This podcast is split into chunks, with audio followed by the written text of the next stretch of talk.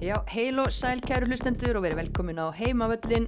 Það er komið að því að fara yfir Hollandsleikin og ofinbera lið og leikmenn ársins í annar deild, líf og fjör og hingað er komin frábær gestur, knatsbyrnu þjálfarin Margrét Magnúsdóttir. Ég heiti Mist Rúnasdóttir, með mér er Hulda Mýrdal og þetta er heimavöllurinn.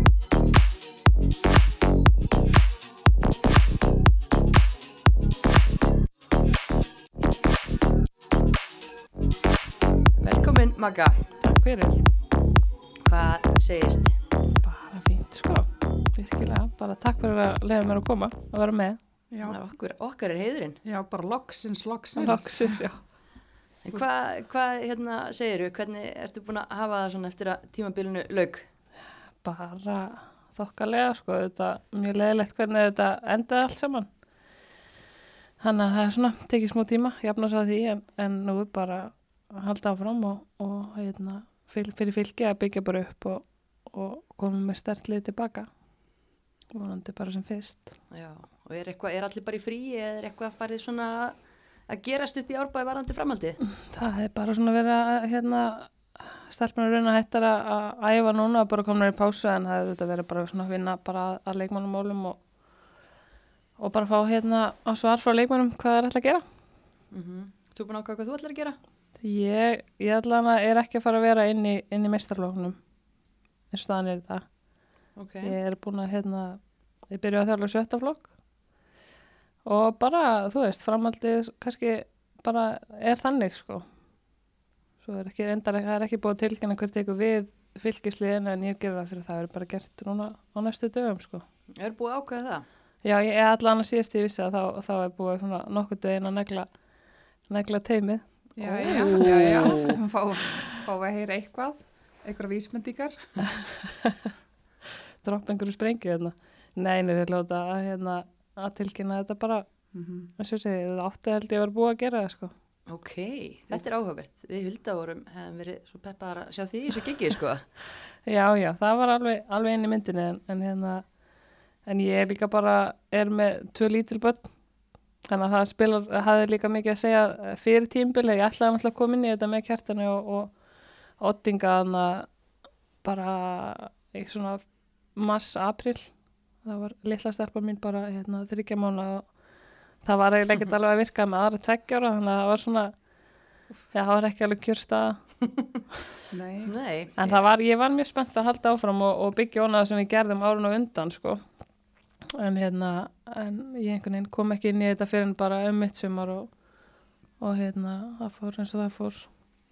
En með tvö börn og svona, þú bara sérði, eða langaði að vera aðalþjálfari, sérði það, eh, getur það ekki alveg, eða þú veist, ef við púslum þessu aðeins bara eitthvað fyrir þig. Þú kemur að passa. Já, eða þú veist, hvenær verður það, það er kannski svo litla núna, en já, já. myndur Ég held að, hérna, ég stefni þanga alveg klálega, sko. Ég, held að það er alveg fullt að, hérna, þjálfurum sem eiga, eiga börn og þetta er bara, þetta er náttúrulega bara skipulag og, og eiga gott bakland og svona. Þannig að hérna, á meðan Æsland er flýgur ekki þá flýgur maður minn ekki þar þannig að hann getur verið heim að passa.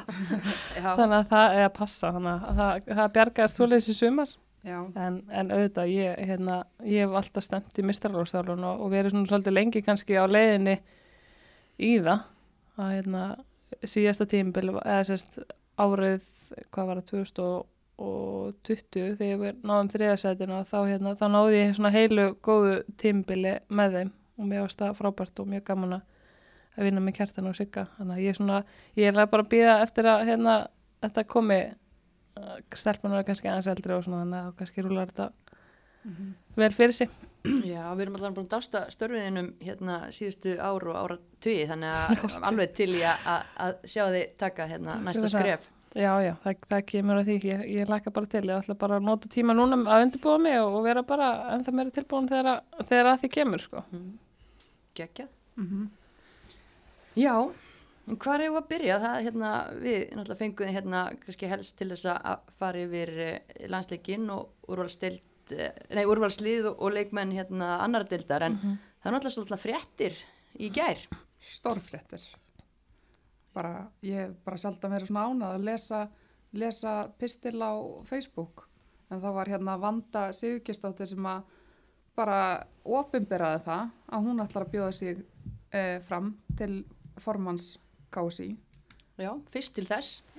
Já, bara þetta sýnir líka bara, hún er, hún er með allt á hreinu, hún er ekkert að draga hlutina, hún er vel skipulögð og með hlutin á hreinu.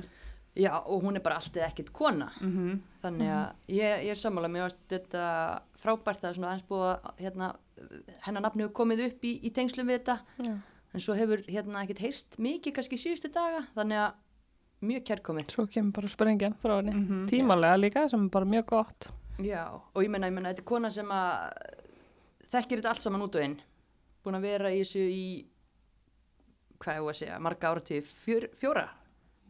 Já, Allavega hana, allavega, já. Ekki með breyðarbleikana Jú, á gullaldar árunum.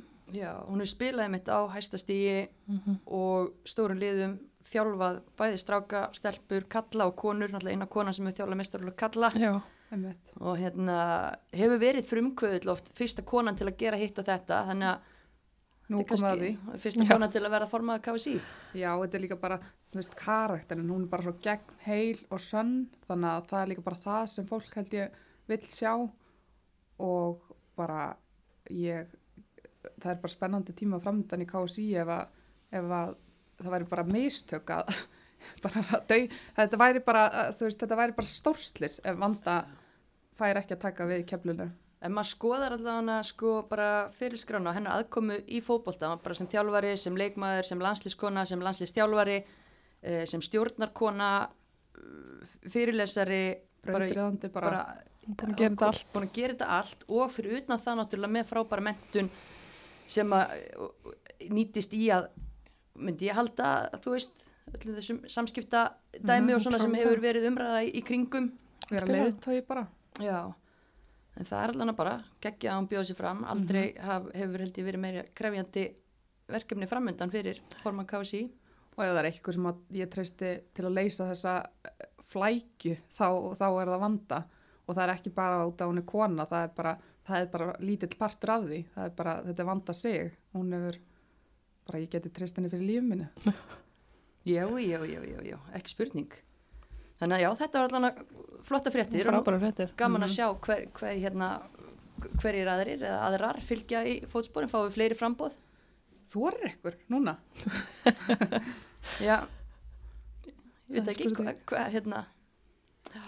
Nei það er spurning, ég veit ekki. Allan geggjum fyrirskrá og það þarf þá að vera ansi ansi góðu kandidat. Mm en hérna landsleikur lögadagsvöllur í haust sleni veðri varður endar ekki eins ræðilegt og, og við hefum búist við. Það rættist ágætlega úr þessu svona með kvöldinu. mm Við vorum alltaf að taka á móti Evrópi meisturum Hollands. Og hva, hvernig fannst okkur þetta? kannski bara fyrst, eða þú veist, byrjunarliði þegar það var tilkynnt. Hvað hva fannst þér um bara liði sem að þásteinn ákveður að stilla upp í fyrsta stóra leiknum Mér varst eiginlega ekkert eitthvað svona áberandi sem kom á óvart fyrir utan að Gunni eh, tók herri bakvarastöðuna.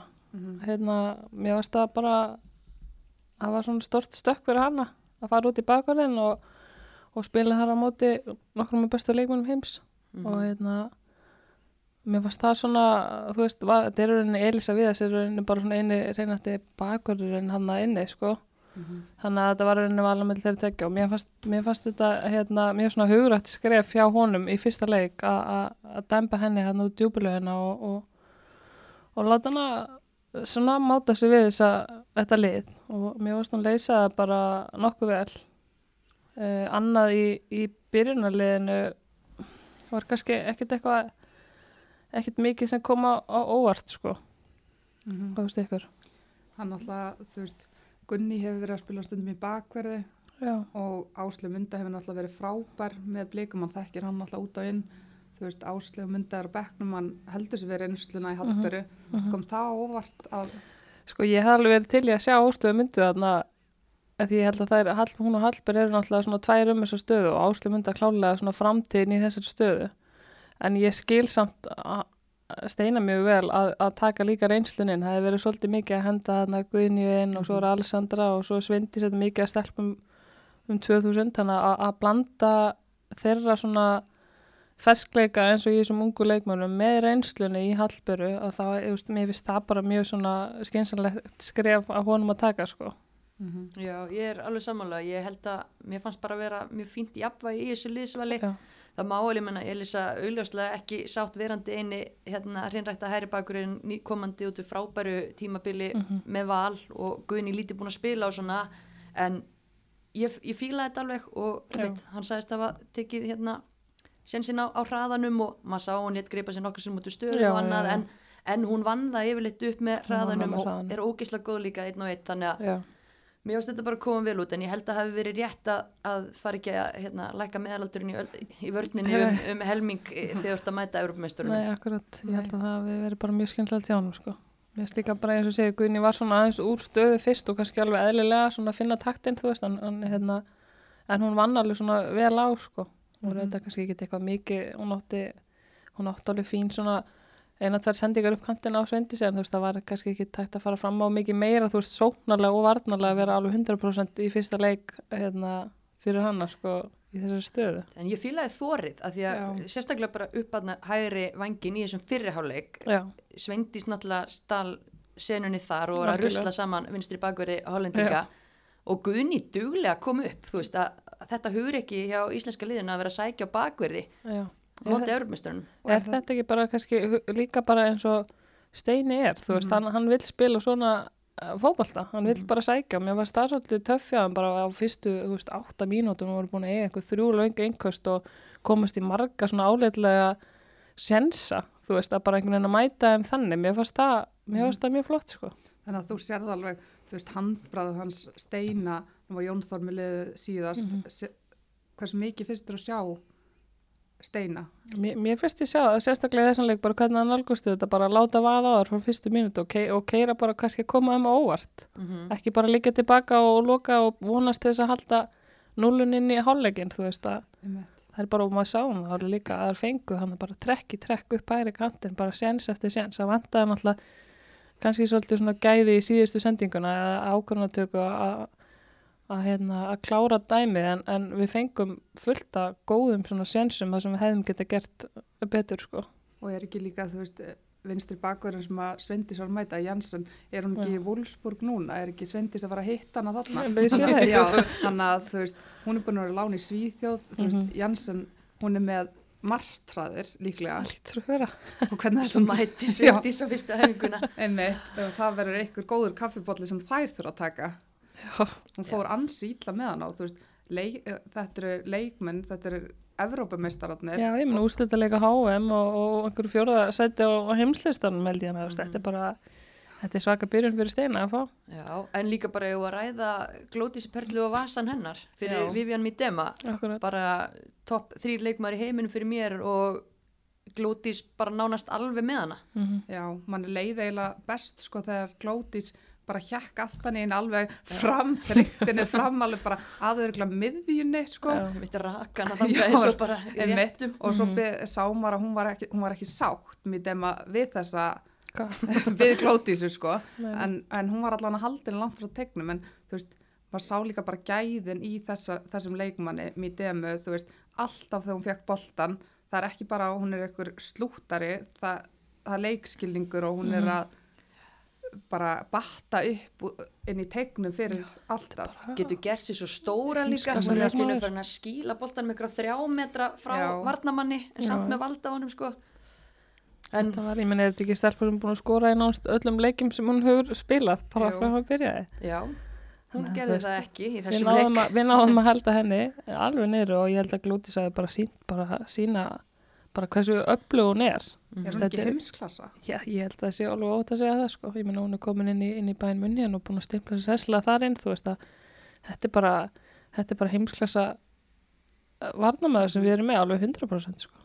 Já, og fyr, fyrsta marki kemur nú kannski upp úr því að Midema fær boltan og það er örgulega fimmfald á hana og Já, já. losna náttúrulega þú veist, var ómikil áhersla bara lögð á hana eða er þetta Ég eðlilegt? held ekki, ég, veist, ég held að það hafi auðvitað verið með fókus, mikið fókus á henni og þess að þegar, þegar að fyrramarki kemur þá droppar frá henni, eða sérst frá henni og gefa, eru kannski svolítið mikið að horfa hvað hann ætlar að gera Mhm. en að kannski hefði vissulega bara mátt halda áhrum að mæta hann í baki og ekki gefa menn tíma en ég held að sé hérna, það hefði verið rosa stert að fara inn í, inn í hálfleikin á núlinu sko, mér fannst Já. þetta vera kannski svona leikur sem að þú veist, ef við áttum að vinna Európumestan það fannst mér svolítið vera svona, um daginn, svona það voru ömlegt veður eitthvað, veist, með svona, þær voru svona sem voru úkslega kalt og eitthvað ekki alveg til í þetta sko, svo byrjaði leikurinn því líkum krafti en maður var svona, þetta geti alveg verið bara, Mhm. við náum bara stíðið að tökum sigurinn á móti sko. algjörlega, því manni fannst kannski vera svona smá líka hrollur í okkar leikmönnum bara að náttúrulega mæta þessum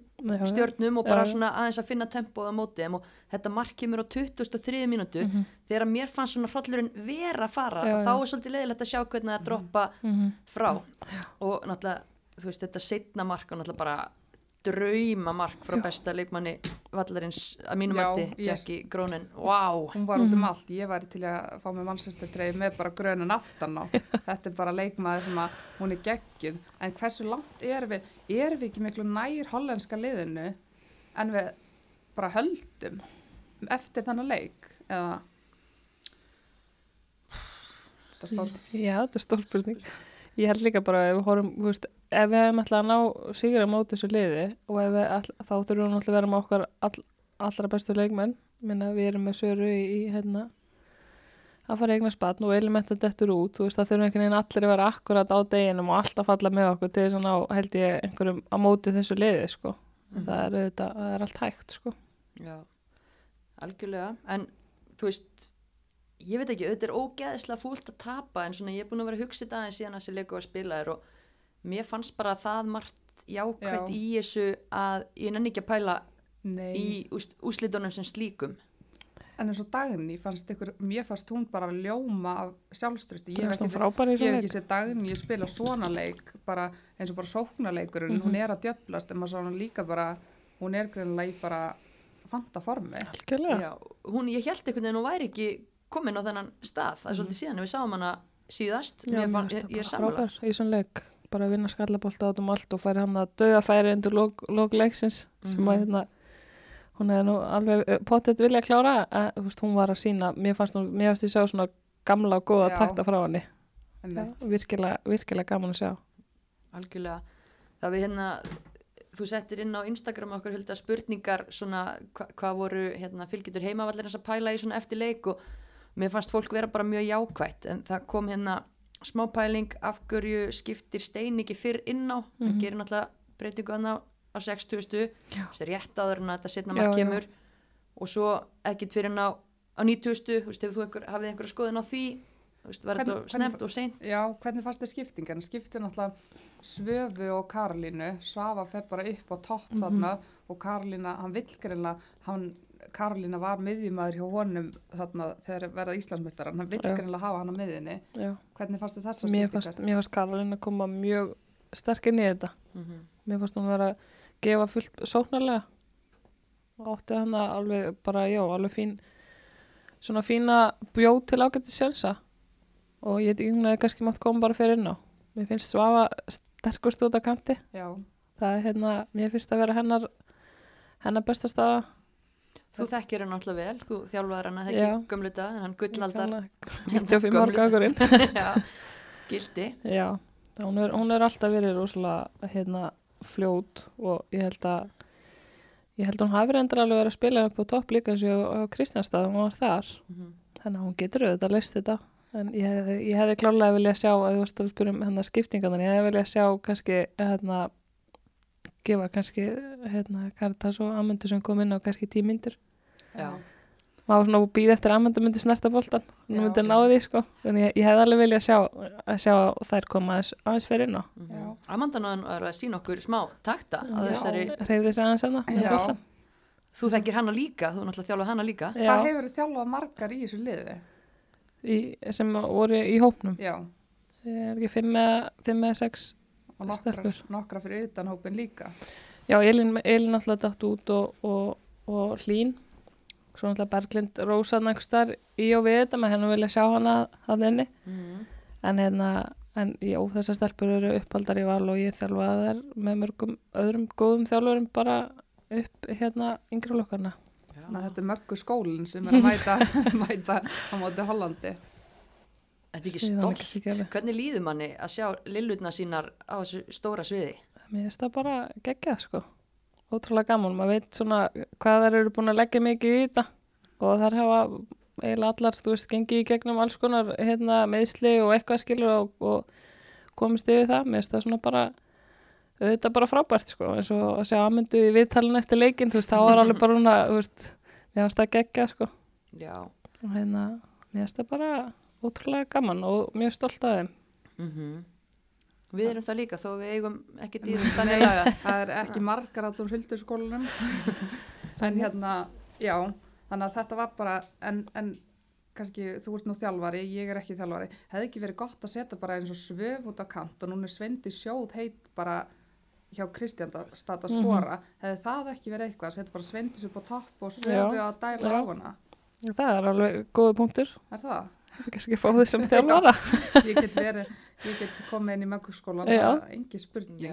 Já, ég meina klárlega, ég meina Sveindis er búin að vera að skora fullt upp á toppjá á Kristjánstað, það er henni alveg sama hvar hún, hvar hún er, þá skorar hún og býr til eitthvað, mér finnst líka gaman að sjá hana bara allt í hennu fann að taka ykkur skæri og draga boltan og gera ykkur svona Mhm. kunsti með boltan, þú veist, Mhm. hún er ekki bara fljótilegmaður, Nei, hún er bara, bara þvílikt hérna Mhm. kröftu og, og góð, sko. hún bara, hún er, hún er svo rosalega hóvær að Já. hún, mér þú veist, hún má, hún er svo mikið að leggja upp á þetta skilur, hún er Mhm. svo góð, hún er krút skilur, það vantar svona smá kannski í hana bara, þú veist, smá bara að, herri, ég ætla bara að keira upp Ég klára þetta eh, þú veist, þú má gera það, Hún gerði hann við síðasta leik, var ekki á Kristjánstað fyrir þetta Úff, já. landslis hlýð, skoraði eitthvað svaglasta mark bara.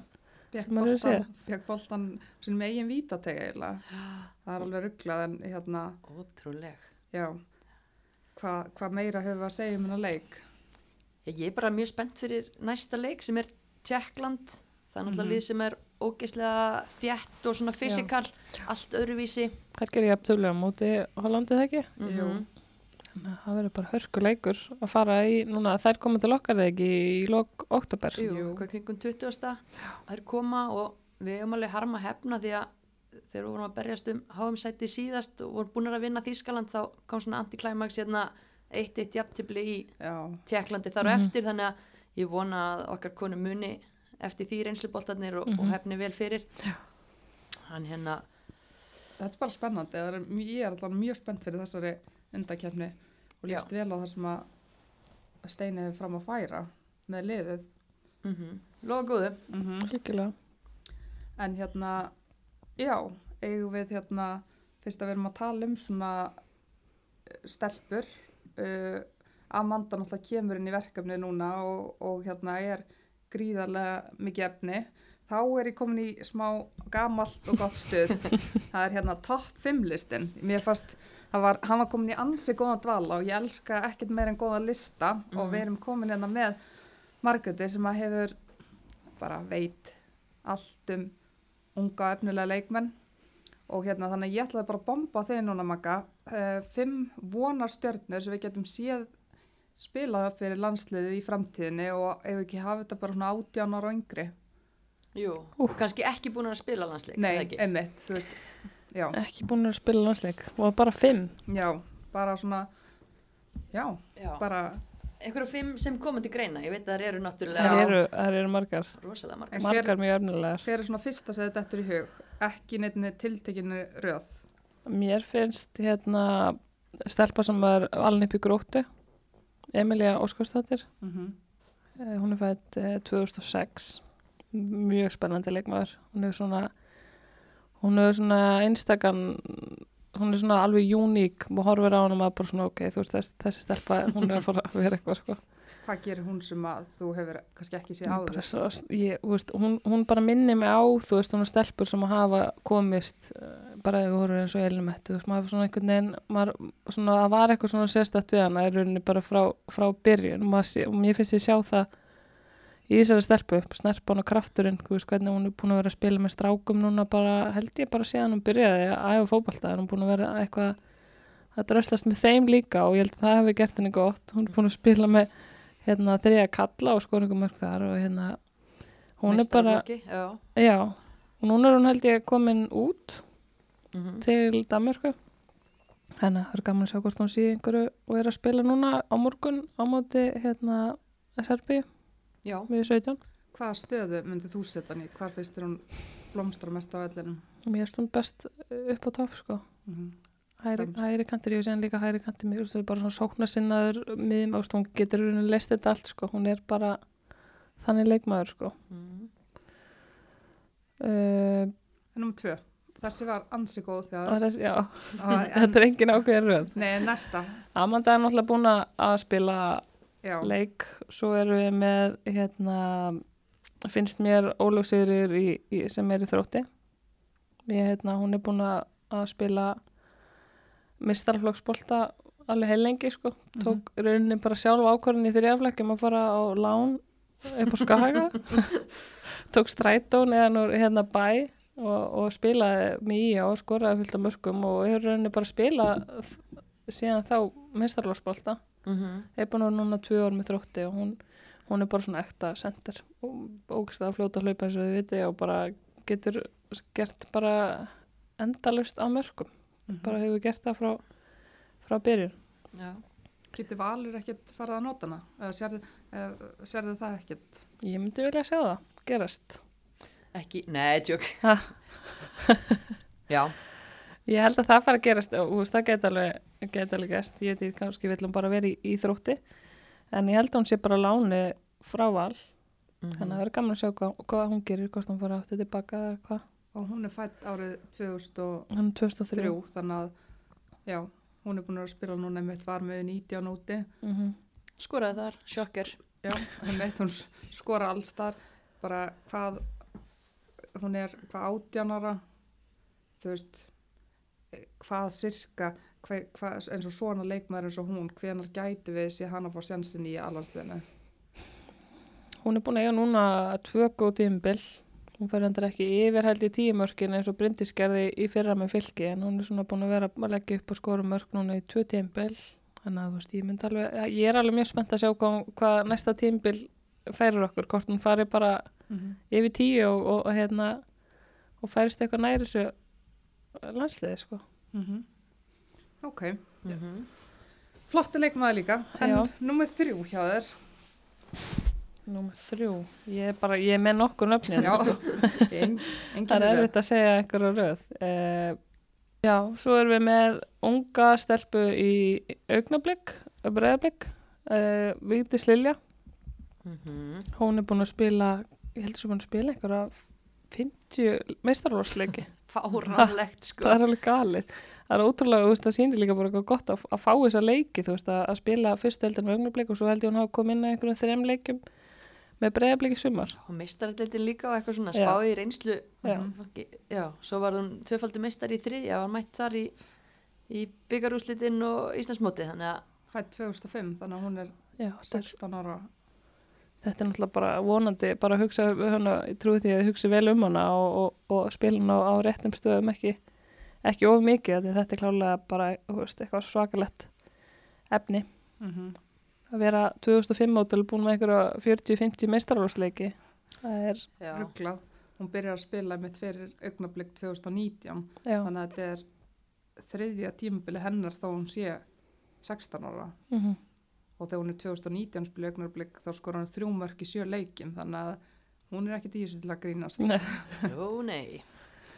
En já, það verður, hún er mjög spennandi leikmaður og hérna, við erum eitt mætt til Serbíu með uh, 17 mm en e, fjórða leikmaður á lista í enginni röð, það er stelpa sem heitir Elsa Lana. Já, hún er í FH mér finnst hún mjög spennandi.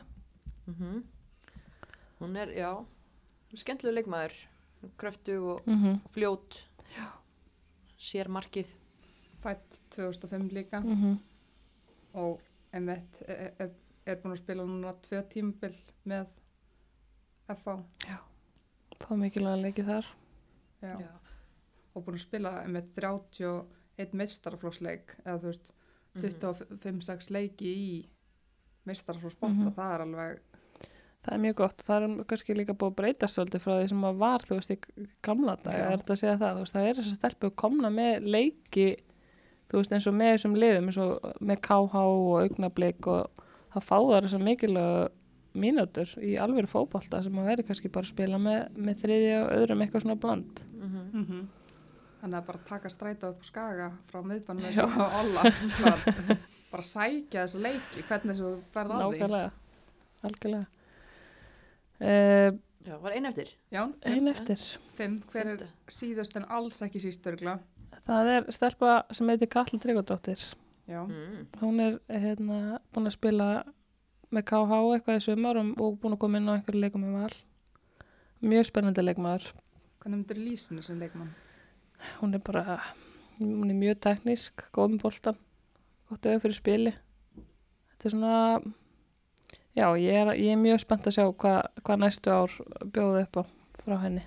Heldur hún fari heldur hún verði bara í val eða sér þið fyrir þegar hún fari bara til að verða bara líkil maður í ykkur lið hún er náttúrulega bara hvað hún 2000 og hún er 2005 model já, hún fær, og hún fær náttúrulega leikja þarna með, með KH þannig að þú veist, ef KH hefði komist kannski upp í fyrstu deild það hefði verið góðu leikir fyrir hana. En svo verður hún, svo kemur náttúrulega bara örgulega ljóskost á, hún hefur hún örgulega með með val með mestarlokki í, í vetur og svo kemur örgulega bara í ljóskost að lána hún eitthvað annað eða, eða hvað, maður veit það ekki.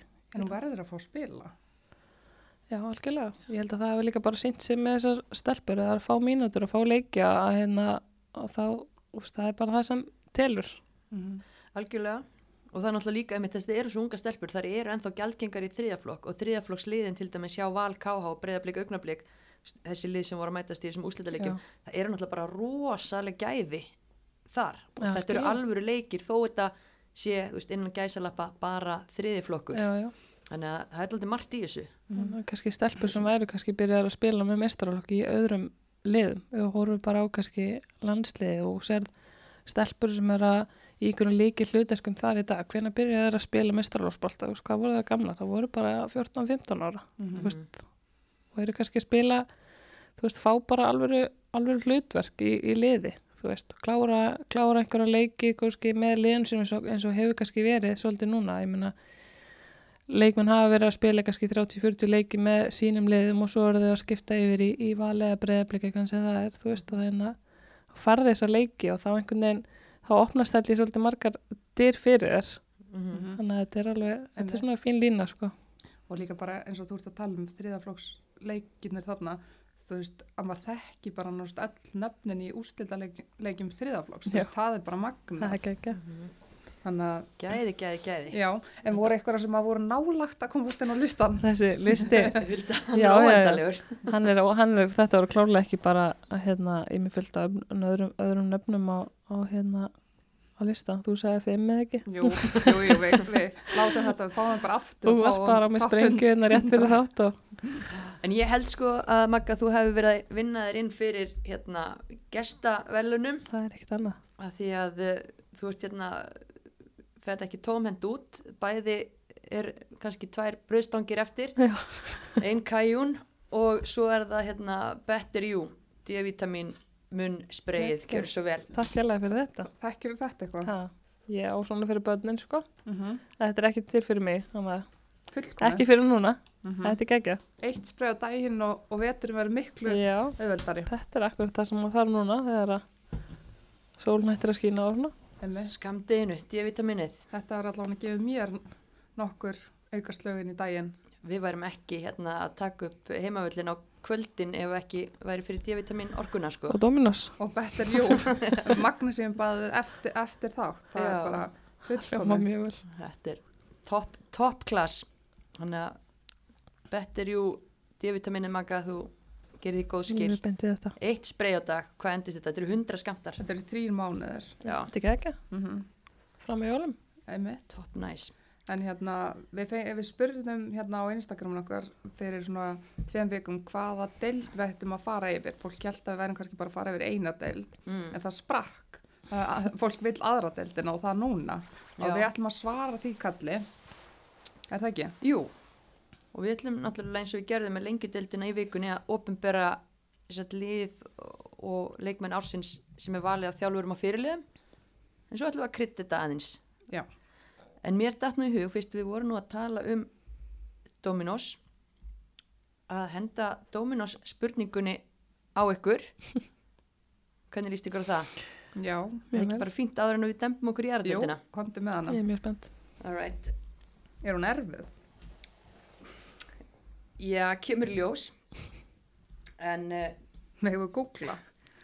Við erum ég bara held nettengdar við hérna. við erum bara nettengdar. Nei, ég lofa að, að banna, setja hendunar upp í loft, takið hérna eina venjulega brauðstöng og eina kæjun brauðstöng í sikur hana. að getið ekki hérna snert á líklaborinu. Já, Nei, nei, heyriði, árið 2017 var frábær fótboltakona valin efnilegust í annari deild. Í vikunni var hann í aðlandsliðs hópnum. Hver er leikmaðurinn? áslumynda. Áslega mynda sjálf. Oh, Þessi var alveg, Geimt en ekki gleimt, jæja. Hvað er það, 2017? Já, Já. fjórum árum, Já, einmitt, Fjögur ár. Skjótur uppgangur Mm á þeim bænum. einmitt, það er líka, þegar ég spurði Kristín Dísan um daginn hver kom mest á óvart í breðablik, þá var hún bara, það stóð ekki að svara áslumynda, viss engin hver þetta var mætt frá Húsavík, það er hún að koma í breðablik til okkar og svo bara styrluð fyrsta æfingunni. Ummitt og þarna er hún, já, þarna var hún ennþá gjaldgengi þriðaflokki, þú veist, þetta er stelpa á þeim aldri sem leikmennir er svo varum að ræða minna rétt Mhm. að hann stutt á milli þessu. En, ef ekki að byrja á opinbera liðið, Jú, og þetta aftur, þetta er ekki við að velja, þetta eru þjálfarar og fyrirliðar, mm þannig að allur póstur fer bara beint á þjálfareideldinni ef fólk hefur eitthvað út á þetta að setja. já bara, Það er svo leiðis. Eða við getum alveg ekki skellin svo sem. ég held að verði engin skellur Nei, eða jú, reyndar, kannski smá já, Það það er ekki alltaf eitthvað smá svona. jú, það er aðeins óvænt hérna. Það er bara fínt. en uh, byrjum í búrinu byrjum í markinu þar er ungur og efnilegur markmaður markmaður ásins í annar deild Aldís Guðlustóttir í KH litla, litla sýsti Byrtu Guðlög sem við þekkjum úr Pepsi Max Ég þekk hennar ekki neitt, eða þú veist, hún var rauninni kom hana eftir að, eftir að ég heiti. En bara, ég veit, hún er mjög efnilega og góð. kemur frá Ólasvík Já, það er markvara skóli þar heldur, heldur betur, betur. En, og var úti núna með 19 Pætt 2004, þannig að hún er 17 ára. já og bara hrikalega Marka mín fáðu bara brautum, hún er ansið góð. hrikalega hérna bara flottur leikmaður og bara góðu stjórnandi þrátt fyrir ungan aldur skilur leikinn vel uh, og það er ótrúlega gaman að sjá hana einmitt þegar hún er að spila, hún stígur vel upp stýrir, tala við liðið sitt, Hún. Hún, hún, er það, Þar eru þar sýsturnar, þar eru alveg grjótharðar. en það eru samt mjög ólíka típur, það er mjög gaman báðar með frábæra eiginleika sem að gera þær að mjög góðum en ólíkum markmönnum En hún fær líka bara á sig, hérna, hvað, 13 mörg. Þú veist, það er lendi í 5. seti, hún fær á sig 13 mörg, liði í 7. seti fær á sig 26. Mhm. Þannig að hún er bara að halda, eitthvað er hún og, og kollegar hennar í öftuslín að gera rétt já, þannig að bara vel gert aldís, hlakkum Mhm. til að sjá meira af henni. algjörlega, Var þetta ekki fyrsta tímabili hennar í bara, með starflokki já, Jú. geggja, þú veist, liðið sem kemst upp fjárðbyggð, þetta leikni fær á sig 13 mörg, þannig að hún er að mattsa það. mm Heyrðu, já, vel gert. Uh, Förum í næsta leikmenn, förum í varnalínuna og uh, þar er vinstri bakurður Margrét Regína Gretastóttir úr fram. Hulda, þú þekkir hana vel? Mm Spilaði með henni fram. Hún er alveg upp á Ísafjörði og hérna, já, fætt 93, ætti hún sig ekki þá elst í þessu liði. Nei, Fríða Þóris 84 Elst í liði ársins. Lið ársins, Já, já, já. í fram, já Mm.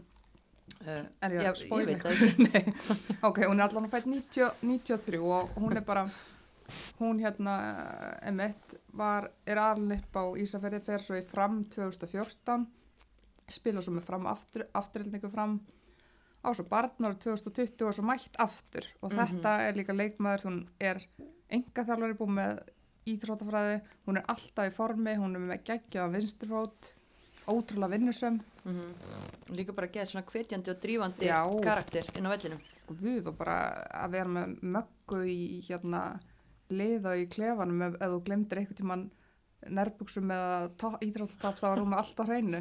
Með auka sett. já, þú veist, hún gæti ekki vera meira solid. Nei, hún er bara já, drauma liðsfélagi. Luxus Heyrum hverju með henni Mhm. í vörninni. Marta Sæes Sivil fjárðabið höttur leiknir. Það er leikmaður sem að kom með stormsveip inn í þessa dild Já, spilaði hún ekki með Sindra. Uh, hún spilaði aldrei með Sindra 2019 en mætir aftur og er í hérna toppliði fjárðar mm -hmm. byggðs bræðist ekki. Þær eru góðar. já, það eru góðar En en, já, já, segðu mér. nei, bara rosalega mikill leiðtógi og náttúrulega reynslubolti mjög klók, kann leikinn þú veist, út og inn hefur einhvern veginn allt sem að sterkum miðvörur þarf að bera þú veist, öllu varnarlega lesleikin vel, stæsendingar, allt þetta en þar á ekki er hún með svona leinuvopn eða veist, það getur kannski leini lengur. En hún er með rosalega vinstri fót og tekur aukaspinnur og horn fyrir liðið. Og hún er búin að skora sko þrjú mörg beint úr þrumu aukaspinnum bara utan að velli.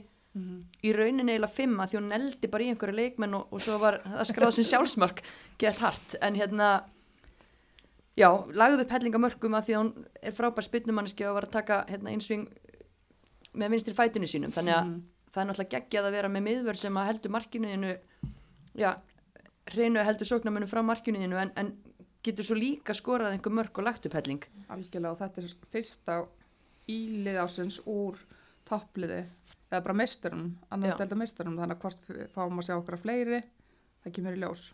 Kemur í ljós. En næsti leikmaður hún er úr KH líka, hún er hérna í vörninni Telma Steindórsdóttir Já. mm -hmm. Hún er náttúrulega hvað, 2005 mótalega ekki. mm Hörku Vardamaður komin af hérna miklu íþróttafólki, mamma hérna handbóltakempan Kristín Guðmurs. já, Já. Það er við hérna keppniskap og íþróttamennskuna alveg beint frá mömmu sinni, mín uppáhald sambóltökuna já, geggjuð. 100% og hún er komin til Serbíu með U17 Já. eins, og hérna en bara einmitt les leikin mjög vel þroskaði leikmaður með aldur Mm -hmm. góða stæðsningar svo er líka með góðan fót góða langasendingar og náttúrulega bara öryggi stutaspýrinu líka Já, þetta er bara hörku, hörkuleikmaður. Hún kom hérna, hún kom í val með sýsti sinni þegar hún var örgulega, hvað í fjórða, kom úr breyðablik. Komu þær tvær saman. Nú, ok, hver er sýstirinnar? Hún veitir Embla. Hún er held ég mest í hérna handbólta núna, hún er í landstöðinni handbólta. Já, það eru týpurar Já, það eru tvíburar. Já. Þannig að þær komu hana saman. Ég vissi ekki að, að það hefði verið breyðaflik komið yfir. Já, þær voru, já, ég held að það sé alveg, hafa alltaf verið þar sko, hún komu. Til Ná, náðu þær mögguskólanum eða Nei, ég þjálfaði aldrei mökkuskóli Ég þjálfaði aldrei, þú veist, 2005 árgangin nei, Ég þjálfaði 95 árgangin fyrst og svo alveg að þeim Mm, Ég misti svona eiginlega hálfpartin að þeim já, þeirra missir. Nei, hún er allan að koma í lið ásins já Já, það er er ekki ágætt Já, að já. það verðt hérna Það er bara, bara ekki, barn en þá. Þannig að vel gert. Mjög flott hjá henni En uh, fjóriði varnamaður í liðinu, hún er fram líka, spútning lið fram, Halla Helgadóttir, sýstir heitísar, Liljar. Já, og kemur sem lánsmaður frá FH. Bæði hérna góð sem, já spilaði bæði sem miðvörður og varna sinna miðmaður. Mm og bara, já, frábæri báðan hlutverkum stegu alla felspor í sumar Já, og hún hefur spilað líka tvo yngri landsleiki og svo spilaði hann með fjárðarbyrði hætti leikni 2016 og 17. Mhm. Þannig að nú er hún líka bara framkom verulega óvart í sumar.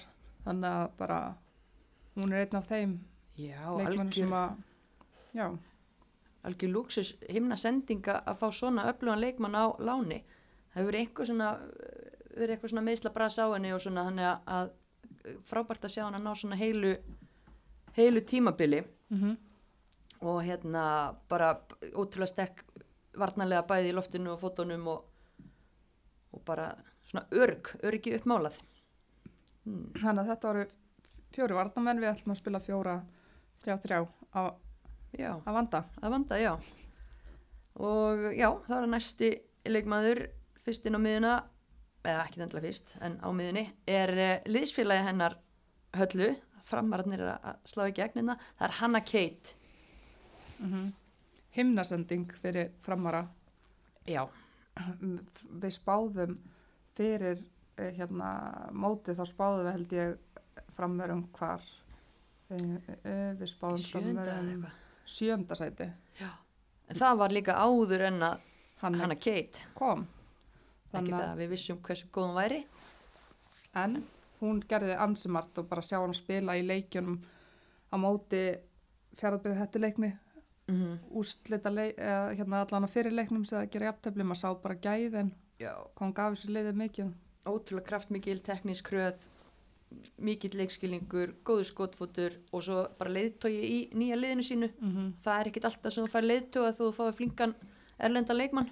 Nei, sem var bara ekkert í stuði fyrir þetta Nei. En brjála keppniskap og, og endalus orka, þú veist, hún var bara, fara maður að tala um það að, að bara alltaf í 90 pluss þá var hún ennþá á miljón. Svo Duracell kanna Já, heldur betur og líka bara skoraði einhver mikilvæg mörg fyrir þær og átti einhverja staðsendingar.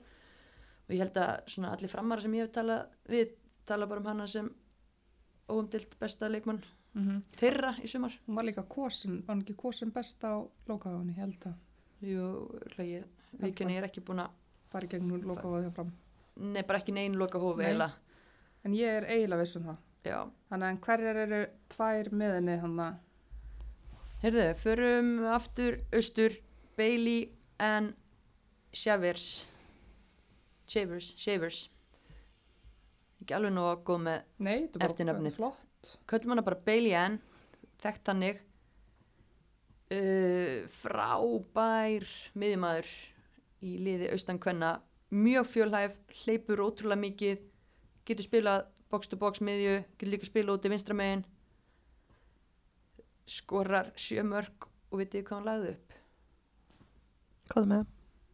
20 Nei, 20 mörk. anskotin Það skora líka sko fjárðabið hættu leikni skora sko 71 mark. Wow. Næsta lið er að skora, skora sko 46 mörg Þetta er, þetta er bara til ykkur yfir burðir já, emitt bara já. vel gert og Bailey Ann bara já, ge-gjuð Mm En þriðja manneskja inn, það er Katla Tryggvadóttir úr KH. Maka, þú varst að lýsa henni hennar rétt aðan. Já, það kemur ekkert óvart að, að hún sé í þessu liði. Það er bara virkilega, virkilega hérna, flottu leikmaður þar að verð. Mm -hmm. Já, eigum við eitthvað að Nei, endur Við taka erum, um hennar? við erum búin að tala, segja hvað hún... en hún spila fjóra leiki með KH Það er ekki meira. Það er ekki meira og hún skora 6 mörg þannig að það er kannski bara Já, voru ekki bara allir að fylgjast með henni Jú, annar staðar, frábæð með unglingalandsliðinu og, og hérna, fólk bara getur ekki glemt henni eftir þessa fjóra leiki það er bara með margtræður og bara kjósa hann í þetta lið Já, það hefur verið gaman að sjá hann að taka fleiri leiki. Já, Já, hérna væri til í að sjá hvað hann er búin að spila, hvað hún, fimm leiki Fimm. með, bara með val í, í Pepsi-dildinni. mm Einhver, einhverja mínútur hér og þar. Já, Það verið gaman að sjá hvað verður hjá henni núna næsta, næsta tímbili. já, hún var líka aðeins meitt svona, hérna, kannski í byrjun sumars áður en hún skipti yfir val. Þú veist, hún hefði get, auðvitað geta spila meira með KH ef hún hefði verið heil, en Já. hann bara verið að passa upp á hana þar. Já, já, En hérna, vel gert. hún, já, vel gert hjá henni. Mm, erum við tilbúnar í fremstu þrjár? Já, ef við þá ekki að byrja á hérna Já Þessari kannski Já, þessari, já, sem er önnur af markahæstu leikmönu deildarinnar. mm -hmm. Uh, Alexandra Taberner Thomas, fjaraðið höttu leiknir. Já, Hvað viljum við segja um hana? skorar einmitt átjamörk eins og Freyja Karin í sko, þetta eru bara tól leikir maður gleymi því oft ef maður sér þennan markafjölda að það spila náttúrulega bara einfalda umferð en við þekkjum hann líka úr deildinni út að hún spilaði með Sindra 2019 og var þá í úrvalsliðinu Mm -hmm. skoraði þá sjömörk í nýju leikjum þannig að hún hefur aldeilis doblað sig Já, og leggur líka upp heilan helling. Mhm. Þetta er mjög svona flinkur leikmaður, svona X-faktor, vill alltaf fá boltan. Skapandi, já. já, mjög skapandi, getur brotið leikin upp uh, og svona, já, gert þið óvænta. Þannig ég held að það hafi verið, já, bara, þú veist, þetta mjög stert fyrir hérna fjaraðið hött að ná sér í, í þennan leikmann og, og hún hendar held ég þeirra leikstíl mjög vel líka. Mm Kalli klókur hann Já, algjörlega. Og svo kláraði hún ekki tímabilið af því að hún bara seldi spánar. Já, vakti, vakti svo miklu aðtigli að hún fór, sp- já, fór tilbaka til spánar og í betra lið heldur hún hafi verið í áður upp um dild einmitt. Vel gert hjá henni Það er líka bara verið að fylgjast með núna, þetta er miklu léttara með samfélagsmiðlum. Maður sér alveg að hérna, við erum alltaf með Instagrami og þess að við erum að fá fyrirspurnir þar inn bara Um leikmenn. um leikmenn og svona, það er náttúrulega alls konar klippur, þannig að fólk eh, sko verður átt að segja því að það skora, skora falleg mörg eða gerir ykkur tryggs, bara takka okkur og það er komið út. Ekki Já, það að við hefum haft eitthvað að gera með hana Aleksandru, en það er allan að, þú veist, þetta er miklu léttara núna Já, já, já að vera sínilegri. og ég, ég get alveg lofaði því hulda mín að það eru þrjár fjóra sem að geta alveg þakka okkur fyrir að hérna, Vera, hjálpina sko já, ætli það sé ekki þakkláttar. Maður er múin að vera að klippa og klippa heilu, heilu, heilu tilþrifin. já, fyrir eftir hvernig laun þar er að fá úti Já, Nei. nei, en það, ég vona allavega að við séum að hérna, ég meina eins og eh, eitt leikmaður hérna á listanum, við völdum hann nú bara betur júleikmann fyrir sko þegar vorum að byrja það fyrir þremur árum. Ég hefði ekki hugmynd um hver þetta var, en núna einhvern veginn þekki maður hana út og inn, maður hefur séð svo mikið að klippum frá henni. mm. Magna maga. Alveg magna. Er var rósa, er ég að Hrósa sjálfum sjálfum okkur? Það þarf líka að gera það. Það má alveg, sko. Já, já, við erum, við erum flottastar hekla vikunar nei, nei, við, við, við gerum það ekki alveg strax við tökum það í loka þættin þar sem við já, grínum okkur er. heyrðu, smá útutúr já. Já. ok, hver með Alex þarna upp á toppu Unnur Elva Traustadóttir Íringur Mhm. og já, hún alltaf stóð sér svo vel og hún var bara sænuð í káer já, til að hjálpa þeim Fór að hann þangað mitt. Eða undir fór hann- lokin svona. En þegar að, þegar að kvartnaðist úr káerlinu þá sóttu þær þá held ég markahæsta leikmann annar deildar, ég held hún hafi verið markahæst þegar hún fór já ekki? hún var komið 15 mörg einmitt í nýju leikjum, náða að stempla sér velinn fer svo í KR, spilar 6 leiki, skora 2 mörg en þetta er með dæmi leikmann, þú veist, hún er fætt 98, hún er 21 árs en hún er aln upphældi á Akranesi. Þú veist, spilar fyrstu leikinu svo 17 ára þar en fær svo eiginlega ekki að spila 2018 og 19, nei 2017 og 18, ég veit ekki hvort það var meitt eða hvað var, spila svo ekki 2019 og svo, svo eiginlega springur hún út 2020, þú veist, þá er hún orðin Það er bara 15 mörki. já, 15 mörk í sjö leikjum þannig að maður tekur eiginlega bara eftir henni þarna 2020, þannig að 22 ára. Já, fyrra, já. Já, þannig að hefur verið komin í káar núna. Mm var eftir svo fyrir síðasta tíum bil Já. ákvað að vera í ég það verið ótrúlega gaman að sjá hvað hún gerir Já. núna en þetta er leikmaður sem getur nýst mörgum liðum heldur boltanum mjög vel og er svona direkt, eða þú veist, finnur alltaf, sér alltaf markið, finnur það mm og Það er mjög spennandi leikmaður. góðu slúttari, já Mhm. og svo bara, svona, já, vin, vinnu þjarkur og ég held alveg með eftir að sjá bætingu frá henni Já. bara áfram eins og síðustu tvö tímabil það er líka, mér er bara gaman að sjá þetta allavega það eru hérna margar eins og vorum að tala um þessu efnilegu sem Magga var að tala um sem eru, við erum að taka eftir 15-16 ára þannig er hún 22 ára. Þannig að bara þær sem að heyra þetta hérna eru kannski 20 og, og hafa ekki verið betur júleikmenn vikunar það er, það er ennþá nægt rými til að, til, ég meina bara að já, gefa í og, og gera þetta almennilega. 100% herði, en hérna það er eitt spott eftir í, í byrjunliðinu já, hver heldur að það sem Magga Það er nú ekkert sérstaklega erfitt þannig eitthvað. Nei, ég held, ég held ekki. Nei, Nei, hún fekk, kemur úr, úr toppliðin ekki satt. Jú, já, heitir Freyja Karín Þorvaradóttir, leikmaði fjárðarbyðar hattarleiknis. Hulda, segja okkur hvað skoraði hún mikið í sumar? átjörmörk í tónleikjum og þú veist, hún er komið 33 mörk í 30 leikum í aðnari deild og þú veist, hún skoraði 11 mörk í fyrra, skoraði 18 mörk í ár, hún er fætt 2004 Mhm. um, hún er bara 17 ára Já. en hérna ég Mjög kraftmikil, Já. ákveðin, ósérlíðin. Uh, hefur Hún tekið, spila núna með 19 eða ekki. jú, jú, Já, stimpla skora sinn. með þeim eða skoraði sitt fyrsta landsleismark hérna, það er mjög spennandi að sjá hvað þessi stelpa að gerir. Já. Fólk getur séð landslýsmarkið inn á Instagramin okkar. mm mjög vel klára hjá henni og já, bara hún hefur tekið svo miklum framförum hún var vist í blaki, þú veist, samhliða fótboltanum þanga til fyrir síðasta tímabil og þá fyrst velur hún fótboltan og bara tæknilega hvað hann er búin að bæta sig mikið og einhvern veginn komin í bara ennþá betra fótbolta stand Algjörlega. Þannig að, já, því líka framfærir Já, en já, hún var náttúrulega í liði ásins í fyrra Kornung, sló í gegn. En hún bætir um betur í árhulda, hún er hva, hvernig hefur við að tilkynna þetta? Þetta er stórt. þetta er risastort Ef við segja þetta bæði einu eða? Mm, Já, þetta er bara, bara stórkostlegt tímabil hjá Freyju Svo- þjálfarar og fyrirlegri dildinni taka eftir. Já, bara, já, þjálfarar og fyrirlega deildinni, hún fór ekki fram hjá neinum, þannig að uh, hún var sérst valin best og efnilegust í annari deildinni ár. Vá, vel gert. Mm -hmm. Fær með fulla törsku af verðlunum heim, austur. já, og fekk í raun yfirbyrða kostningu það var engin spurning Mm í báðum báðum flokkum Er þetta ekki fyrsta skipti sem er einhver valin best og efnilegust Jú, ég held það annari deildinni? Það hefur stundum mun að mjóu en ég er nokkuð vissum að þetta sé í fyrsta skipti. Bara geggjað. Já. En þú tókst upp símtólið hulda, var það ekki? Ringdaustur, hún var nýkomin heim frá Serbíu, þannig að ég bara ákveða að ringi hann á færinni þessa fréttir. Hefur ekki bara heyra í Freyju Karin? Jú.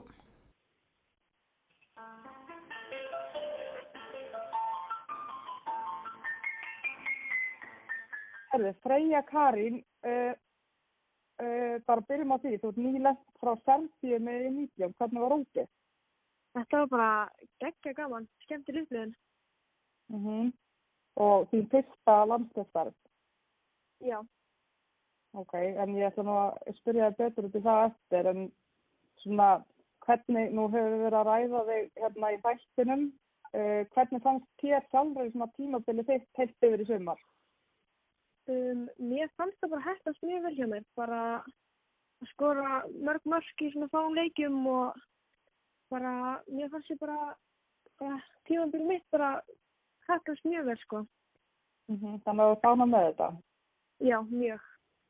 Ég get, ég get þér að þetta er hófær út af því að tímabilið þitt var bara stórkostlegt og hérna stórkostlegt og þú varst hérna er fyrsti leikmaðurinn til að vera valin svo best og efnilegust í annar deildinni að fyrirlif og þjálfurum í deildinni.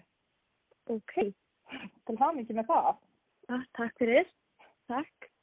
Áttur, áttur von á því að hérna bara brjóta þennan múr og, og vera valin best og efnilegust. Nei, alls ekki. Ég einhvern veginn, ég kannski átti smá von á efnilegust en ekki best allavega. Sjá það ekki fyrir mér. Og þetta eru náttúrulega bara leikmenn sem ert að spila móti sem er að velja þetta þannig að þetta, þetta er eitthvað að marka þetta heldur betur Já, kannski. en þú varst í hérna liði ársfylg í fyrra og skorar núna hérna átja mörg í tóluleikin þú varst með hvað, uh, 11 mörg í fyrra Já, 11 árs, já. hvað finnst þér svona eins og bara þú sem leikmaður uh, hefur finnst þér að bættu mikið sem að síðasta sumar Já, ég myndi segja það. Ég lagði náttúrulega bara meira á mig eftir senasta tímabil. Bara svo ég geti haldið þessari framistuðu áfram. Mhm. Og það skila sér bara heldur betur, sko. hvað varst að gera þá eitthvað uppskrift að þessu þetta er náttúrulega stórkostlega framist að Mm, ég myndi bara segja, ég lagði bara meira á mig á æfingum. Og svo Mhm. bara tók ég alveg æfinga, auka æfingar í rektin og svo leiðis. Og þeir náttúrulega vinnur, vinnur hérna deildina bara uh, samfarandi eða svona allan að vinnur tíu leiki sumar svo komist í þess að leiki á móti fram. Hvernig fannst þér að fara inn í þess að leiki? Þetta er náttúrulega bara tveir leiki sem að skipta öllu máli hvort þú komist upp um deildina. Hvernig, hvernig fannst þér að spila þessu leiki? Það var náttúrulega bara, við náttúrulega töfum mútið fram og það stuði okkur eiginlega bara meira að vinna fram aftur í úrslutakefni. Mm. Þannig að það var bara geggja að spila það leiki, það var bara geggja stemming á báðum leikjunum. Mm og svo var náttúrulega bara við lögum mikið á okkur til þess að vinna þessa leiki þannig að þetta var bara geggjur stemming hjá okkur og við ætlum bara að vinna þessa leiki bara sama hvað sko Mm hérna, fyrir leikurinn það jafntefli og svo mæta þær náttúrulega bara austur. Ég myndi þær ekki hafa þurft að mæta austur hérna leikin. Nei, Hva, hva, hvernig fóruðu þið að vinna þann leik svona samfærandi? Ég veit, veist, við náttúrulega gerum játtöfli fyrst og það náttúrulega bara, við ætluðum ekki að fara að tapa fyrir þeim af því að við ætluðum að fara að komast upp um deild og vinna deildina. Þannig að það bara leti okkur bara eiginlega vera bara svo samfærandi góðar. Þannig að það bara let okkur bara vilja þetta miklu meira. Og bara, við bara stöndum okkur svo vel inn í hennar leik. Þannig að þannig tókst þetta. Og þú varst það með miklu stöðu, þú skorar stórkostnætt marg. Getur þú líst þessu mig, hvernig þá þú þetta? Ég náttúrulega bara sáði klikkaði bolta þarna fram og ég bara, ok, er ég að fara að hlaupa í þennan bolta? Svo bara, já, ætlum maður tekur ekki sensin á þessu. Og svo tæklaði ég náttúrulega bara boltan og bara sé ég vann tæklingan, ég bara, ok, núna verði ég að klára þetta. Og bara ákvað bara að skjóta og svo var þetta bara eitthvað gett mark. Mm -hmm. Þú smett heitir hann. Já, smett hlýtti, það það, það mætti segja það sko. þetta var geggjamark en hérna þannig að þið rústuði þessari eh, hérna annar del, þú alveg best og efnilegust og svo þú ert kallur í U19 landslið, er það búið að vera lengi hérna markmið hjá þér að komast í úlinga landsliðin? Já, þetta hefur alltaf verið markmið hjá mér. En, veist, þegar ég frekk, frekk þessar fréttir, ég var ekkert að búast við þessu, sko. Mm -hmm. Þannig að þetta var bara, þetta, bara tækifæri líka. Já, hvernig er hópurinn? Þetta er náttúrulega stelpur fætt á 2003 og 2004. Já, Hvernig er, svona, hvernig er þessi hópur? þetta er bara mjög skemmtilegur og líflegur hópur, það myndi segja það. Það er náttúrulega eiginlega, ég þekktum alltaf engan í þessum hóp, þannig að, þannig að það var alveg erfitt að fara. En maður náttúrulega kynnist öllum og það eru allir bara svo oppir nýjum leikmennum þarna, fyrir nýjum leikmennum. Einmitt. og þetta er bara sterkur og bara svona ákveðin hópur þannig að Mm -hmm. Var góðu matur út í Serbíu? úf, sko, hann byrjaði vel fyrstu tvo dagana en það var alltaf pasta uh, hátegismat og kvöldmat alla dagana úf, þannig að maður er komin svolítið lega pasta núna sko. Það verður ekki mikið að þetta pasta næstu daga. nei, en það sagði ég líka við mömmu þegar ég kom heim. Ef það verður pasta í matinn þá borða ég ekki heima. En hérna, ég ætla að spyrja, þetta eru þrý leikir úti, þeir spila á móti Svíþjóð og svo spila á móti Fraklandi, þú byrjaði á móti Fraklandi, þetta er náttúrulega svakalega stórar knappinu þjóði, hvernig fannst þér að spila á móti þessum leikmennum? Sko, náttúrulega bara líkamlegi yfirbörðinu sem Frakland hafði á okkur var náttúrulega bara svakalegt, sko. Og líka bara þegar ég frétta að ég var að fara að vera í byrjanlegi, ég bara hef aldrei verið að stressa aðeins minni, sko. Hvernig dílar við það? Stressu?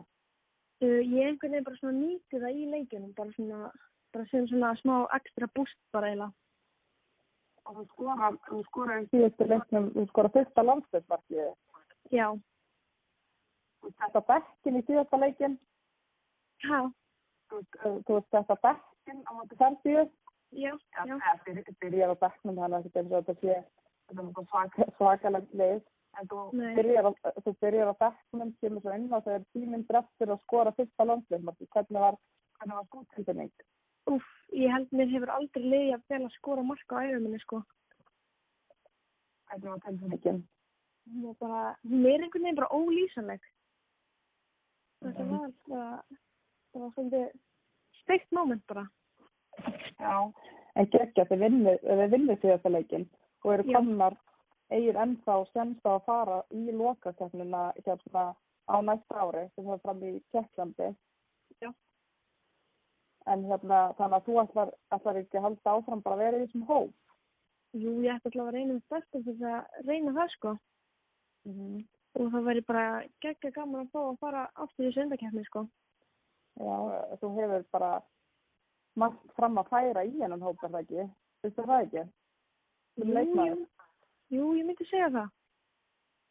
Mhm. Það er þannig að best, best í annar tildinni og efnilegust í annar tildinni fætt 2004, stórkostlegt tímabil Já, takk. og hérna, já, bara eftir þetta tímabil, hérna hefur hefur fundið fyrir eitthvað áhuga frá öðrum liðum eða svo leiðis. Já, það, já, það er með einhver áhuga allavega. Já, Þannig að þetta er eitthvað að leiða í bæinn.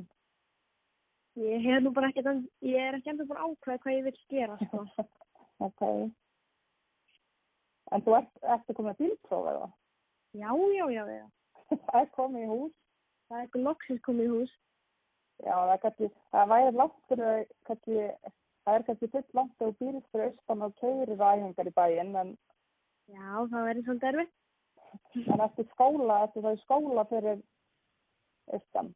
Já, verkundaskóla Östurlands. Já, ok. Ég skil þannig að það er nóg að gera hjá þér. Bara feikin á, sko.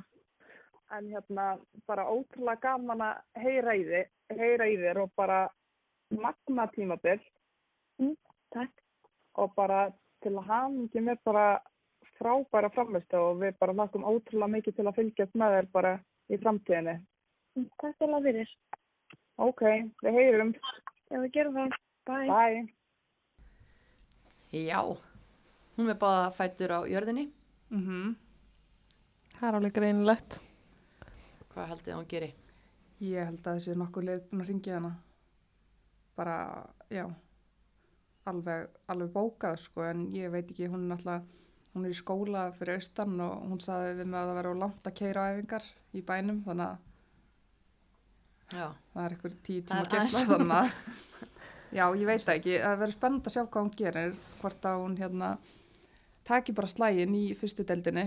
mm ég meina er það ekki bara rökrétt rétt, er, rö, ég er farin að tvítaka með svo, er það ekki bara rökrétt skref þegar þú ert 17? Liggur á?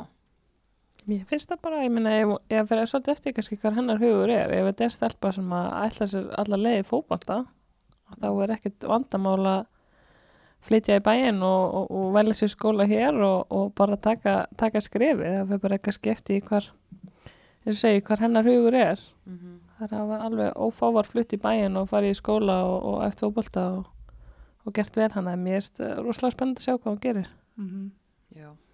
En hérna, klárum kannski liðið að því að glinda að taka fram hverja voru á bekknum svona áður en að fjölnisfólk og völsungar trillast algjörlega þá eiga þessi lið e, fulltrú á bekknum. Sarmant Toro fjölni er þar.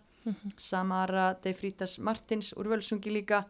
Mar e, Seldran uh, markmaður völsungs er varmarkmaður. Svo er Sara Eliki elsti leikmaður deildarinnar að hann lítur að vera, já, 38 ára, úr völsungi þarna líka, Hlín Heiðastóttir fyrirlið fjölnis uh, Jóvanna úr Sindra og svo Gianna úr Fram. -hmm. þannig er hörkubekkur líka. En uh, það er áhugavert stelpur, fjölnir fer upp í hérna lengideildina en ná ekki fulltrúa í byrjunarliði úrvalsliðsins. Já, þetta er áhugavert og þetta er náttúrulega bara þjálfarar og fyrirliðar að kjósa. Uh, rýtingur í bak uh, fjölnisfólks. Já, það hérna, þær verður ekkert sáttu með þetta. Nei, en var það kannski bara jafnara lið Það er ekki bara máli, ég meina hvaða leikmenn eru að það sem að, ég meina Sara er hann á, á bekknum, hverjir fleiri eru að það sem hefur kannski og, fyrirliðin þeirra er líka á bekknum eða ekki? mm margi töluðum að þú veist, Margrét Ingþórs hefði verið góð í markinu Mm og uh, svo náttúrulega, þú veist, Elvi Rudd góð, Lofisa Mjöll góð, en jú, jú, þú veist, ég menna það er alveg leikmenn og fjölni sem er að fá atkvæði en það er svolítið mikið sko náttúrulega, þetta eru rosalega ábyrrandi leikmenn, eiginlega allar sem eru í þessu liði Já, þetta eru svona svolítið skraut fjæðrir ef svo má segja, skora mörg mörg og já, lúka vel ábyrrandi. einmitt, Mhm. þannig að en ég, ég hugsa að fjölnisfólk sé nú ekki kátt og ekki heldur völsungar þær, þær fari ekki upp en þær enda í öðru sæti þegar að hérna er búið að spila riðilinn. Mm Mm þannig að en svona er þetta það er bara, bara búið til jafnt og gott lið þannig að félagarnir í, í fjölni. já, Þetta er liðsýþrótt. Ha, við Þannig erum bara að hugsa þetta þannig. Ekki það að reyndar vil ég rósa fjaraðbyð hætti leikni fyrir geggjaða liðs heild í sumar. Já, mér fannst hérna, það bara skína af liðinu þrátt fyrir að vera með svona kannski stjörnur, þú veist, margi leikmenn sem eru að, að bara koma og stækka fyrir vikið með, við það að fá þessa styrkingu rísastort róstið þeirra, engin spurning. en já, hérna hefur ekki aðeins að fara yfir það sem að fólk var að henda inn á Instagramið okkar varandi aðradild Mm, Jú, þú mátt hafa yfirsýn við- yfir þetta. Þetta, þetta var ansi, ansi hérna mikið af, já, Já, ég elska bara áhugan fyrir annari dild mhm, það var allt vittlaust. mm en hérna við spurðum til dæmis hvað kom mest á óvart. Mm Hvaða leikmaður? já, hvaða leikmaður, já. Mm viltu henda út einhverju nöfnum sem að voru þar ábyrjandi Uh, það var náttúrulega bara Katla Tryggva, Eva Maria Smára, Otni Sara í fram, Eva í KH, Guðrún í Sindra. Freyja kom fólki óvart? Já, já. Eða, já Hún kom verðurlega fólki ávart hversu góð hún var. mm framfæriðnar frá ári til árs Mm -hmm. algjörlega og kom líka mörgum óvart hvað Sara Elnikki í Völsungi var að spila ógíslega vel Mm -hmm. Einmitt. Þegar við spurðum að hvaða liði fólk vildi, fólk bara bjóstu meira frá, þá var það til dæmis Altanes og hérna, já, og IR. Það Já. voru aðalega þessu tvö liði sem að, Altanesliði náttúrulega gjör breytist þarna rétt fyrir mót. Mm og já, það, það var fólk að greinilega ekki ánægt, ánægt með niðurstöðuna þar. Og ég er engar töluðu um það að vilja fara í úslitakefnina, voru nú ekkert langt frá því en fólk er hart, vill meira. Mm það er almennilegt. Já, Þannig, þannig viljum við hafa það. Já, já, en að samaskapi hvaða lið kom mest svona jákvætt og óvart, ég held að svona 80% svarana hafi verið fram. Mm þannig að spilu fáranlega skemmtilegan fótbolta og Já. Er þeir ekki hætti með liðið sem að, er það ekki? jú, þeir eru- tveir hann saman. það verður þetta verkefni fyrir nýjan þjálfara í Safamýrinni Mm -hmm. Að halda þessu bara gangandi, komast í úslitakefnina og bara halda þessu. já, ég meina nýbúið að stopna þetta lið aftur eða endur við ekki það, þannig að Já. þetta er rosalegur árangur á skömmun tíma Mm það má ekki slaka núna uh, besta markið Það var alveg, uh, það voru mörg atkvæði sem fór á Rafnildi Adnádóttir í undanúslitunum á Húsavík þar sem hún neglir honum bara á loka, já, loka myndinu upp í samskiptin. Það var, og var þetta ekki hennar fyrsta mark í, í meistarflokki hún er basically að skjóta þeim áfram líka. Þetta er ekki bara fegurinn í markinu heldur Mhm. mikilvægið. Þýðinga mikið mark fyrir þær. einmitt, svo var líka að tala um fullt af þessum, eða þessum aukaspynnumörkum sem við vorum að tala um áðan frá henni mörtu Já. fyrir austan bara einhverjum 50 metra Mm -hmm. færum og, og náttúrulega mark sem við höfum talað um en áður í þættinum Freyja Karin í undanúsleta leiknum móti fram gæði hún alltaf lísti þessu fyrir okkur áðan þessu marki. Ég vildi bara vita einmitt hvað hún var að hugsa Mhm. og hérna, já, bara ótrúlega, bara svakalegt mark. já Sýnir bara hversu kraftugur leikmaður hún er. mm en hérna besta fagnið, þau voru nokkur góði í dildin í sumar en fólk var svona sammála um það að það hafi verið hérna fjölniskonur. Já þær voru með svolítið, þær voru að vinna með þetta. Svo var það raunum með fögnin. já, Keila. Hamrits tók mjög skemmtlegt fagnanna á móti völsungi í fyrir undanúsleta leiknum voru góða myndi sem hafliði breið fyrir náðið í myndasýrin á fótbolti.net svo hafa þær verið að vinna með Keiluna og það, Já, Stutt það að fara. gaman að þessu. Egil's alla Keilan að gefa. Þannig gefum við þeim, gefum við þeim þetta ekki? Jú, en svo skemmtikrafturinn í deildinni það var Samara í Völsung. Hún var, hún er tæknileg. Já, hún er ótrúlega leikið með boltan og bara, maður myndi alveg borga sinna leik til að sjá bara triksinn frá henni. Mm En hérna, símtal frá Pepsi Max, hverjar eru líklegastar til að heyra í þjálfurunum úr efstu deild og þar voru leikmenn eins og Unnur Elva, Sara Montoro, Freyja Karín sem að voru svona efstar á blaði þarna nefndar oftast. -hmm. og já, það var það, en líka mest skemmtilegasti völlurinn sko, það var rúkslega fyndið að fjárðabær höllin fekk ógislega mikið af atkvæðum, bara samt er það ekki mestu lætin bara? Það var allan að þegar maður var að horfa á YouTube hérna síninga frá fjárðabær það var bara trillingsháaði en svo fannst mér gaman að leikmenn voru svolítið að senda inn og töluðum ótrúlega góðar móttökur og fallegt vallastæði á vopnafyrði þannig að hrósa á einherja fyrir það. Góði geskja var þar. Uh, voru með eitthvað fleira eða Ég held að við segjum þetta bara gott þarna. Er það Er það ekki? Jú, jú, jú, jú. En hérna, alltaf eitt eftir þegar dagskráin er nánast að vera tæmt. Þá endum við á því besta. Mm Er það ekki? Bestu konunni. Í bóði bestu bílarna í heklu. Þannig að það er heklan bílaumbóð sem býður upp á þetta sem fyrr.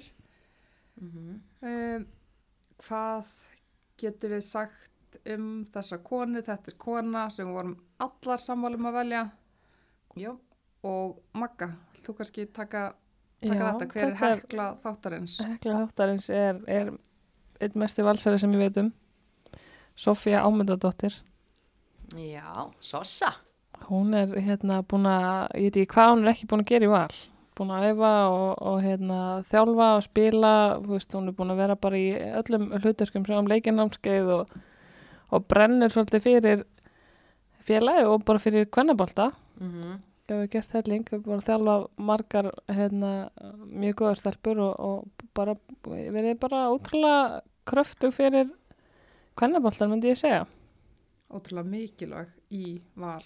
Já, núna er hún bara komin í hérna, hvað er hún með, sjötta og sjönda eða sjönda og áttunda. Hún er frábær með þessar yngstu, sko. Hún Ég á þar, sko. vinkonur sem eru með stelpur hjá hann í áttundaflokki og það er svoleiðis, eru með stjörnur í augunum. Það er, það er dyrkana. Hún er frábær með þær. þetta er bara, þú veist, þetta er svona akkurat típar sem þú vilt hafa, þannig að neðst það bara svona, hún er, ég, hún er allan að, eitthvað búin að vinna á leikskóla líka, þú veist, fullt og, og hérna það er svona, hún trekkir alveg svakalega að, alltaf bara með svona 50 stelpur Mm í áttundaflokki. Þetta skiptir náttúrulega bara öllu máli, þannig að byrja þetta.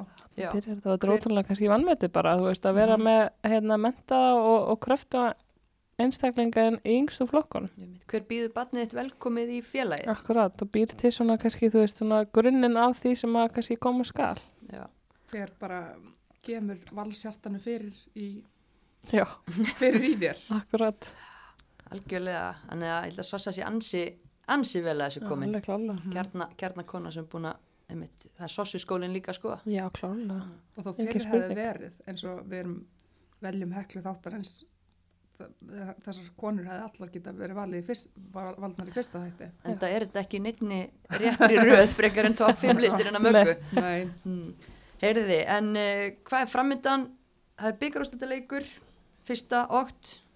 já, er ekki byggar úslita hérna ráðstefna Jú, að sama dag er það ekki? það er bara um að gera að skrá sig ég held að ég að vera bara fín dagskrá hana fara yfir liðin og svona og, og hérna svo er leikurinn í framhaldinu Já. Finnur fólk ekki upplýsingar á bara ksi.is? ég held að vera auðvitað í dag Já, hvað þýðir byggar ráðstefna? Úf, það er góð spurning já, það er svona fræðslu já, það er tekin inn, eða... tekin inn fyrir fyrirlesari sem að kemur og er með eitthvað hérna að ræða og síðan er farið yfir liðin og eitthvað svona alls konar Og þetta er opið öllum með það. þú er að mæta Já, ég, þú ert að skráði því allavega. Já, Það er náttúrulega ekki endalust uh, sætaplás. sætapláss endalega. En hérna, þetta er sett samvinnuverkefni hjá knaspinu þjálfarafélaginu og knaspinu sambandinu og rástefna högsklugan fjögur. Ef fólk fyrir ná ksi.is þá er dagskráin þar. Stefan Alven, íþróttastjóri hjá Elite Football Dam í Svíþjóð. Hérna, þetta er svona gæða eftirlitskerfi í kringu knaspinu kvenna í Svíþjóð. Þannig að þetta getur verið mjög áhugavert Já, þegar við erum að reyna að hækka standardin hérna Mm í kringu klúban okkar hérna á Íslandi og íslenska umhverfinu.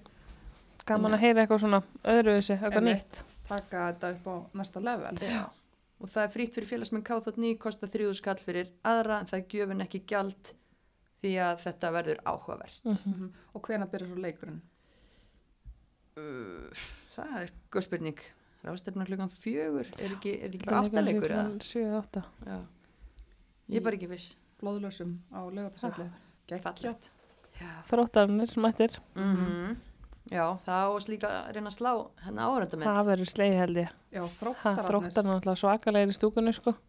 og blikar Blikarnir er engu sigri, þannig að þetta er bara, þetta vel, já.